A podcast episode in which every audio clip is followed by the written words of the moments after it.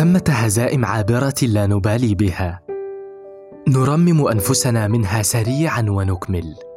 ولكن عندما تتوالى الصدمات وتتعاقب النكبات تكثر الجراح وتكبر الآلام ويئن القلب.